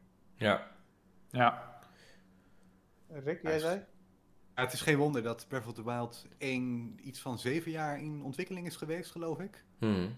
Om dat, zeg maar, die hele wereld zo in elkaar te steken. Eh, ik heb wel eens eh, die developer interviews met Fujibayashi, dat is volgens mij de director voor deze eh, games. Ja, klopt. Ja, hoeveel tijd en moeite en nieuwe ontwikkelprocessen eh, of protocollen ze hebben ontwikkeld om dat überhaupt te- voor elkaar te krijgen. ja.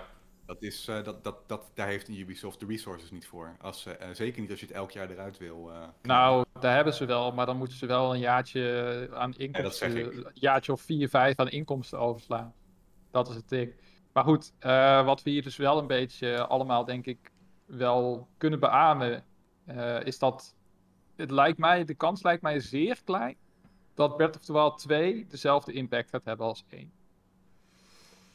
Als ze dat Ja. flikken, Ja. dan echt Ja, dan doen ze iets goed. Nou, chapeau eh, dat zeg je nu wel. Alleen Super Mario Galaxy 1 deed ook iets dat nieuw was voor platforming. 3D-platforming op een bepaalde manier.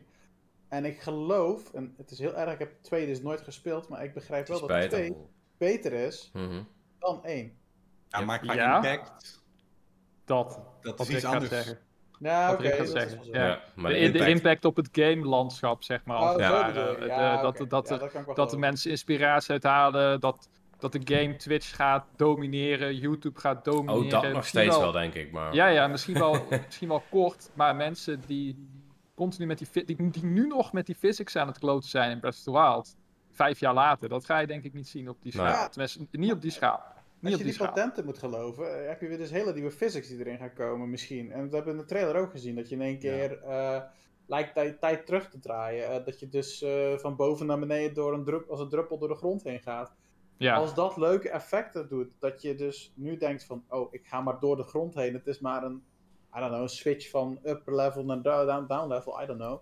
Dan, sure, dan is het gewoon een switch, whatever. Eh, maar als het meer brengt, dan zou het best wel eens een keer ook weer het open wereldlandschap weer kunnen gaan verrassen met bepaalde... nou ja, ze hadden wel volgens mij ontdekt dat het niet zomaar een switch was. Dus dat je het wel echt Nee, gewoon altijd moet eh, kunnen, altijd en overal moet kunnen doen. Wat ook wel goed is, want anders dan zou ik persoonlijk wel teleurgesteld zijn. Dat zou niet bij het design ethos van eh Breath of the Wild eh, passen. Ja.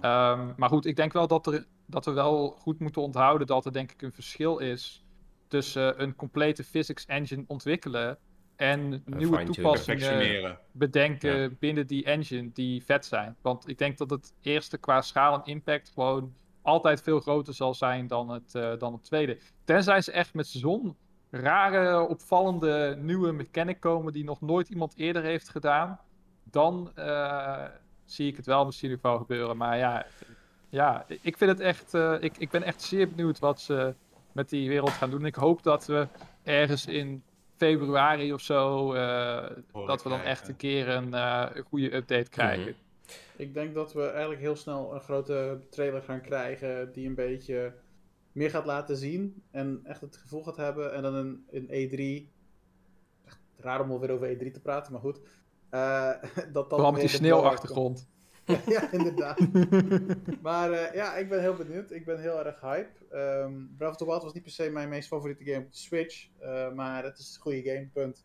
En twee kijk ik heel erg naar uit. Dus, Ik ben eh, vooral benieuwd of die game de tekortkomingen van Breath of the Wild gaat fixen.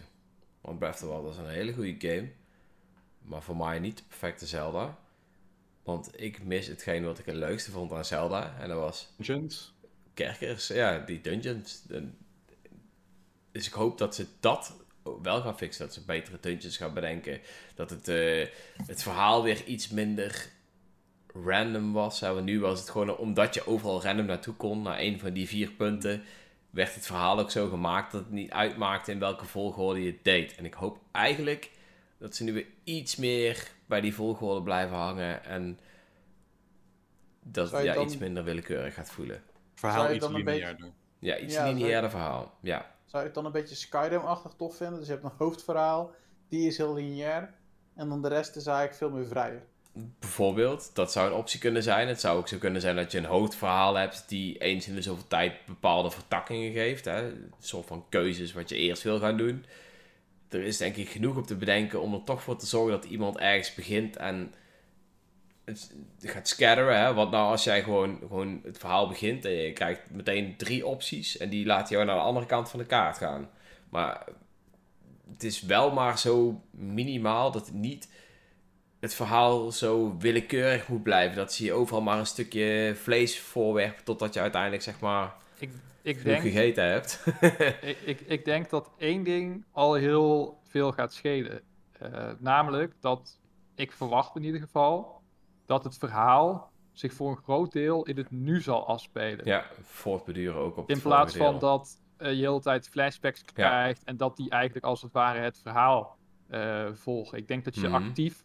Ik denk dat als we naar het verleden gaan, wat sommige geruchten zeggen van die link in de luchtwereld, dat dat eigenlijk het verleden is en dat dat de hero is van zoveel jaar geleden. Dat we dat in ieder geval actief kunnen spelen, in plaats van Mhm. dat we dat als filmpjes zien. Ja. En ik denk ook dat het hele eh, stuk natuurlijk met eh, Zelda en Link die gescheiden worden en Zelda die naar beneden valt en Link die daarboven gaat, dat dat in ieder geval voor gaat zorgen dat er nu dingen met Zelda en Link gebeuren in plaats van dat we vooral met Link eh, continu horen over wat er ooit is gebeurd. Ja. En dat gaat al heel veel schelen, denk ik. Want dat, dat zorgt ervoor dat het verhaal van Breath of the Wild heel passief is. Mhm. En dat is heel vet. Zeker als je op verkenningstochten gaat en je ziet die ruïnes en zo. En je denkt van, oh, er zit wel een verhaal achter. En dat is hartstikke tof allemaal.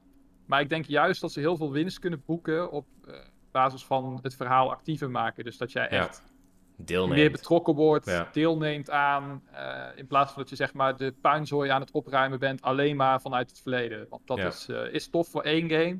Maar ik denk om dat nog een game te doen, dat zou een beetje uitgekoud zijn. En die champions mogen ze mij nu ook wel in een hol stoppen, want die ben ik ook helemaal zat. Na eh, Age of Calamity en och, ik heb die game gekeken op YouTube, jongens. Fantastische game. Nee, Oh ja, dat het is, is geen Game fantastische game. Year. Het is geen fantastische, fantastische game. Ik vond hem wel oké. Jij, jij zet zelf in je eigen Game of the Year tekst, Rick, dat je Ja. die game speelt terwijl je podcast luistert. Dat het een leuke game is om aan te zetten terwijl je een podcast luistert. Ja, dat is heerlijk. Ja, sommige mensen dat- eh, houden daarvan. Om een beetje Ja, maar zou, zou je dat doen met een, met een topgame als, als Breath of the Wild 2? Zou je dan een podcast luisteren terwijl je Ja. een beetje rustig Niet aan story modus. rondloopt en zo? Wat zeg je? Als het weer exploration heeft. eh, Nou, alsjeblieft. Ik geloof Ja, dat hij wou zeggen... Don't, not judging. Hij luistert gewoon de N1 podcast. Terwijl die gamet. Dat is de enige uitzondering waarop ik dit goedkeur. Oké. Eh, hey, jongens, we zijn weer veel te lang aan het praten, zie ik. Dus we gaan, eh, we gaan er echt een einde aan breien. Zijn er nog dingen die wij willen kopen met kerst? Gooi het op tafel. Die gaan spelen met kerst. Dat mag natuurlijk ook. Je kan de game al gekocht hebben en hebben liggen voor de kerstvakantie, als je die hebt. Helaas, fulltime werken, man. Ja, ik ook, maar ik heb wel vakantie. Nee, ik heb geen vakantie, dus, eh, maar eh, nee, ik, ehm, ik zelf eh, ben nog steeds met Shin Megami Tensei 5 bezig. En ik ga ook niks halen meer deze, deze maand, dit jaar. Ehm, nee, Mhm. ik ben, eh, ik heb genoeg. Shin Megami Tensei, ehm, Pokémon Unite, eh, wat heb ik dan nog? Pokémon Diamond and Pearl. En ik Sorry, wil eigenlijk... Wat zei Even doorspoelen. Nee, dus dat is in mijn keel. Even doorspoelen. en eh, in het eh, nieuwe jaar wil ik juist ook. eh, want ik heb heel veel Pokémon-titels gemist. En die heb ik wel. Dus die wil ik ook gaan terugspelen op de 3DS. Dus ik wil mijn 3DS ook weer eens een keer boven water gaan toveren. Nice. Alright, alright. Nice. Mitch? Ik eh, heb nog een aantal games op de backlog staan. Eh, zo moet ik eh The Great Ace Tourney moet ik nog eh, uitspelen. Eh, de tweede game wel te verstaan. De eerste heb ik wel al uitgespeeld. Eh fantastische game. Maar daarna is het iets van... Oké, even pauze van visual novels. Ik ga nu weer iets eh actievollers eh, spelen. Dus dan heb ik mensen helemaal kapot gemaakt in Super Mario Party eh, Superstars. Wat echt een geweldige game is. Ehm, verder moet ik Metroid Dread nog spelen. Moet ik ook nog halen. Ik weet niet of ik dat dit jaar nog ga doen. Kan ook zijn dat ik het begin volgend jaar eh, doe. Ehm, en ik heb eh, op niet-Nintendo gebied heb ik Near Automata nog steeds op mijn, eh, op mijn PC staan. Ik wacht nog steeds op het juiste moment om die epische game te starten. Want ik weet zeker dat ik hem heel vet ga vinden. Maar ik wil er wel echt de tijd voor nemen. Eh, dus daarvoor ja. moeten eigenlijk alle andere verantwoordelijkheden gewoon even opzouten. Als ik dat afgerond heb, dan ga ik lekker aan, eh aan Nier Automata eh, beginnen. Ehm, en omdat we het over Sonic games hadden, Sonic Generations ben ik nog aan het doorspelen. Best een leuke, best een leuke game. Ook op Steam. Gewoon laptopje aan de PC hangen, controllertje erbij en, en gaan. gaan dus daar, ja, dat, dat vermaakt eh, mij op zich wel eh, om af en toe eventjes eh, te spelen. Je moet niet te lang achter elkaar spelen, maar het is best, best een leuke game. Tof. En Rick? Ik ga Xenoblade weer eens eh, afstoffen nadat ik met eh, Pokémon Brilliant Diamond klaar ben. Dus eh, Come on. Ja, luister man. de vorige podcast terug eh, waarom ik dat zo leuk vind. Ja. Het is ondertussen Ik, eh, een, een vaste trope geworden van de podcast. Ja, ik, Ja, eh, Rick, wanneer ik, heb je Xenoblade nou ik uitgespeeld? wou zeggen, ik ben benieuwd wanneer je hem uit hebt, man. Ik begin wel het einde denk ik een beetje te naderen. Tenzij er nog eh, drie plot twisten in zitten die ik eh, niet Eh, verwacht. mag ik vragen Wist je waar trouwens dat Shulk eigenlijk- sorry, ik was even afgeleid door Mitch, eh, Robin. Wilde iets Wa- vragen. Ja, waar zit je in de game zonder spoilers? Dus welk level zit je? Welk Eh, gebied? eh? Capital of Mechanis. Binnen. Oké, Oké, nou dan heb je nog wel even te gaan. dan heb je inderdaad nog even te gaan, ja. ik denk nog een... Ik denk dat je nou op de helft bent. Hé hey, joh, dat meen je niet. Ja, Denk- ik denk het wel, dat ja. denk ik wel, ja. Is... eh, Dat is de helft. Wat heb je daarna nog? Ja, ik denk inderdaad dat je echt nog wel een, eh, een 10 tot 20 uur eh, te gaan hebt. Nee, wel meer. Ik heb hem nog niet zo heel lang geleden uitgespeeld. Je hebt echt nog wel langer, man. Nou, lekker. Ja. Ja, ik kan niet al te veel zeggen, maar je komt nog op veel Nee, meer dat, plekken. eh, Maar daarna kun je wel genieten van de Prison Island muziek. Ja, die is wel echt mooi. Echt ja, en nice. nog dat nieuwe eh, stukje verhaal. eh, Future dat? Connected. Ja, die kun je dan Ja, nou Future spelen. Connected had ik, eh, die had ik in 15 uur Ja, of ik zo ook uit- 15 of 20 uur of zo. Maar die was ook wel, wel leuk. Was wel Dat was prima. leuk, leuk, Ja, Daar leuk. ben je ook twee weken mee bezig. Dus dat eh, is weer een precies één, één podcast verder. waar ben je mee bezig? Dus eh, jij hebt in jouw jaaroverzicht van Nintendo, had jij de Xenoblade als meest gespeelde game? Die staat bovenaan bij mij, ja zeker. Uit, uit, uit. Bij mij Monster Hunter. Calamity als tweede. Ja, voor mij ook Monster Hunter. Bij mij Smash Bros. Steek je hand op als je verbaasd bent. dat dacht ik al. Maar Mm. over Monster Hunter gesproken, die game wil ik eigenlijk dadelijk in mijn vakantie weer even op gaan pakken. En verder, ik, ik ben momenteel niet zo heel veel aan het gamen op mijn Nintendo Switch. Oeh. Je speelt Valhalla. Sorry? Jij speelt Valhalla, toch? Eh, Valheim, ja. Ik ben Oh, Valheim. vooral Valheim aan het spelen met mijn vrienden. Ik ben, in mijn eentje ben ik eh Psychonauts 2 aan het spelen. Dat is eh, een platformgame die ik eh, nog heel graag nog een keer wilde proberen. En Psychonauts 1 was echt geweldig. Dus eh, ik denk dat ik hem... Ik verwacht dat ik nou op, eh, weet ik veel, 60, 70 procent ben. Maar wel een vette game. Ik vind het echt, echt tof. Dus eh, ja, daar ben ik Ja, nog mee Andrea, bezig. laten we anders binnenkort ook samen een keer Monsters hunten. Het is een tijdje geleden voor mij, dus... eh. Klinkt goed, klinkt goed. Ik eh, ben benieuwd. Ehm, dat was hem. Ik ben even aan het denken dat we nog iets gemist hebben, maar nee. We hebben alles besproken. Ze hebben veel te lang aan het praten geweest. Eh, ik ben blij dat we weer eh, het een en het ander hadden aan mensen die mee hebben gekeken. En ook leuk dat er zoveel reacties zijn geweest natuurlijk. Beetje jammer dat we zo druk aan het praten zijn geweest. Dat we er af en toe iets te weinig op in zijn gegaan. Maar eh, ik hoop dat jullie het eh, Ja, ons kunnen Ik heb vergeven. nog een heel verhaal getypt over Red Dead Redemption. Maar ja, dat is gewoon. ja, het is gewoon niet zo'n hele goede game, Aapknul. Sorry man. Als ik Nee. paarden wil kammen, dan doe ik dat wel in het echte leven. Dat is waarschijnlijk nog sneller ook. Nee, dat is niet waar. Hij heeft niks, eh, niks eh, of ja, een klein verhaaltje. Dus valt mee. Normaal gesproken Nee, is het veel meer. Ieder zijn ding. Nee, Toch? maar hey, even, laten we wel even zeggen. Ik eh, speel nog steeds regelmatig Phasmophobia met onze lieve Aapknul. Gisteren heb ik samen met Robin en Aapknul, eh, oftewel Ik Alfons was, eh, ik was de enige die was gestorven helaas, vanwege een Ja. zingend, kruipend spook dat opeens achter me aankwam. Nou, maar dit, ik, ja, dit was wel een, een enge, moet ik zeggen hoor. Ik, ik vond het Ik ook vond vet dat wij die, die spiritbox neergooiden. Dat we daar weer praten. Was, eh, en, en dat, zij stond achter jou of zo, toch? Nou, ik, ik, was naar, ik was YOLO naar boven naar die zolder toe gegaan. En ik denk, weet je wat, ik ga wel even YOLO naartoe. Ik zet die spiritbox aan en ik ga er tegen praten. Ik zei, are you here? Behind you. En ik was van, what the fuck? Nou Oké, zoek het mijn tijd. Ja, die game is eng. Dat is echt eh, ook onbeschrijfelijk. Ik, eh, ik hou van horror games. Ik vind het echt geweldig. En ik heb eh, ja, de, redelijk enge gespeeld, net als Outlast en zo. Maar dit is een game die weet al op een hele aparte manier echt Je- stuip op lijf te jagen. Op Dit een bepaald moment, wanneer het zeg maar die activiteiten in zo'n huis meer worden, ga je toch zelf ook een beetje twijfelen van, wil ik dit huis nog inlopen? Ja, ja, je wordt echt bang. En ik heb daar niet zo heel gauw dat ik bang word in horror games. Maar deze game heeft bij mij altijd weer die snaar te raken dat ik gewoon terrified jij ben. Bij het eerste huis zei van, eh, dat ik YOLO alleen erin ging, maar ik zei, het is een shade, ik ga erin. En je zei, ja, die mannen kennen was daar eerst nog niet. Ook zoiets van, oké, ik ben weg, fuck deze shit. Ik- Ja, ik zag het ook. Ik zag, ja, da- en dat is wel leuk. Ik, eh, maar dat spelen we dus eh, regelmatig. En eh, dat was ik even vergeten te vertellen, maar dat blijft ook nog eh, een dingetje. Nice.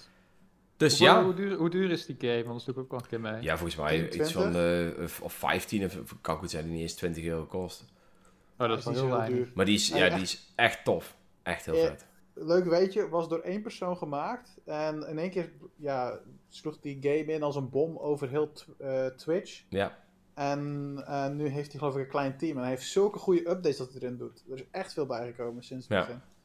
het is echt leuk. Dus als je mee wil doen, Mitch, wees welkom. Wij spelen het regelmatig, vooral op zondagavond. Maar ja, mocht je mee willen doen. ook voor de rest die luistert, hè, kom lekker in de Discord. Zeg, ik wil deze game graag spelen. Wie doet er mee? En er doen mensen mee. Dus eh, ja, is tof. En eh, niet Ja. vergeten mensen, je kan momenteel ook stemmen op jouw Game of the Year van N1UP. Heel belangrijk, Precies. ja. De Game of the Year. Inderdaad. Jullie bepalen de N1-Up Game of the Year. Wil je dat Hyrule Warriors Age of Calamity sowieso niet erin komt? Dan ga moet je stemmen. Want anders maakt Rick te veel bot-accounts aan. En dan wint hij dadelijk ook nog. Stop Nou ja. deze Calamity. Alsjeblieft. Allemaal Ja, nep ja. accounts van Rick. Wij geven ook nu dagelijks geven wij aan wat wij als redactie toffe games vonden. En ik geloof Ja. nu dat Rick en Dreon hun eh, titel hadden bekendgemaakt. En eh loop van de weken zullen de andere titels eh, ook eh, vrijkomen. Tot aan eh, de bekendmaking eh, van de Game of the Year van jullie als eh De community. bezoekers, En dat is de de- luisteraars. Officiële N1UP Game of the Year 2021. Ik ben Ja. benieuwd. En ehm, Mitch, je weet dat ik degene ben die de uitslagen sowieso bijhoudt. Dus ik heb helemaal geen bots nodig, jongen. Wil Zeg je Dus nu tegen onze als luisteraars dat het allemaal wint, rigged dan, is eh, vanaf het begin? Nee. Is Huh? gewoon- Huh? Met, met een K. is, dat, is dat wat je zegt? Nou, Age of Calamity, als die wint, is jongens. We hebben altijd nog een hoofdredacteur en een eindredacteur die hem tegen kunnen houden. Dus eh, dus hij praat wel veel. wel tegen, zo te zien. En zelfs Maar een... het eh, internet, het- zelfs het ja. internet is het niet met hem eens. Ja, ik Ja. merk het. dat is een calamity. hey jongens, Ik, wij houden eh, het voor ik- gezien. Ik, hou het gewoon eerlijk. Iedereen kan stemmen. Ik, eh, Ja. ik heb ondertussen wel een idee welke gaat winnen. Want ik kan al eh, zien dat er Niks best wel mensen al... eh, Niks. ja, dat, zeg. daarvoor moet je eh, tegen het eind van het jaar N1UP in de gaten houden. Ja, natuurlijk. gewoon blijven stemmen, stemmen, stemmen. En we gaan het zien. Het kan nog anders worden, dat, dat is wel. Dat is oprecht spannend. Oké. Er wil best wel wat stemmen binnen, maar het kan altijd eh, nog meer natuurlijk. Top. Als Mitch met zijn bots komt. Dan niet. Maar, jongens, we gaan hier Ik toch echt bier, even stoppen. Ik zou zeggen, bedankt allemaal voor het aanwezig zijn, voor het luisteren, voor het meepraten. En ik zou En, zeggen, eh, tot de volgende keer. Later. feestdagen. Later. Fijne Ja. feestdagen. Lief Ho, ho, ho!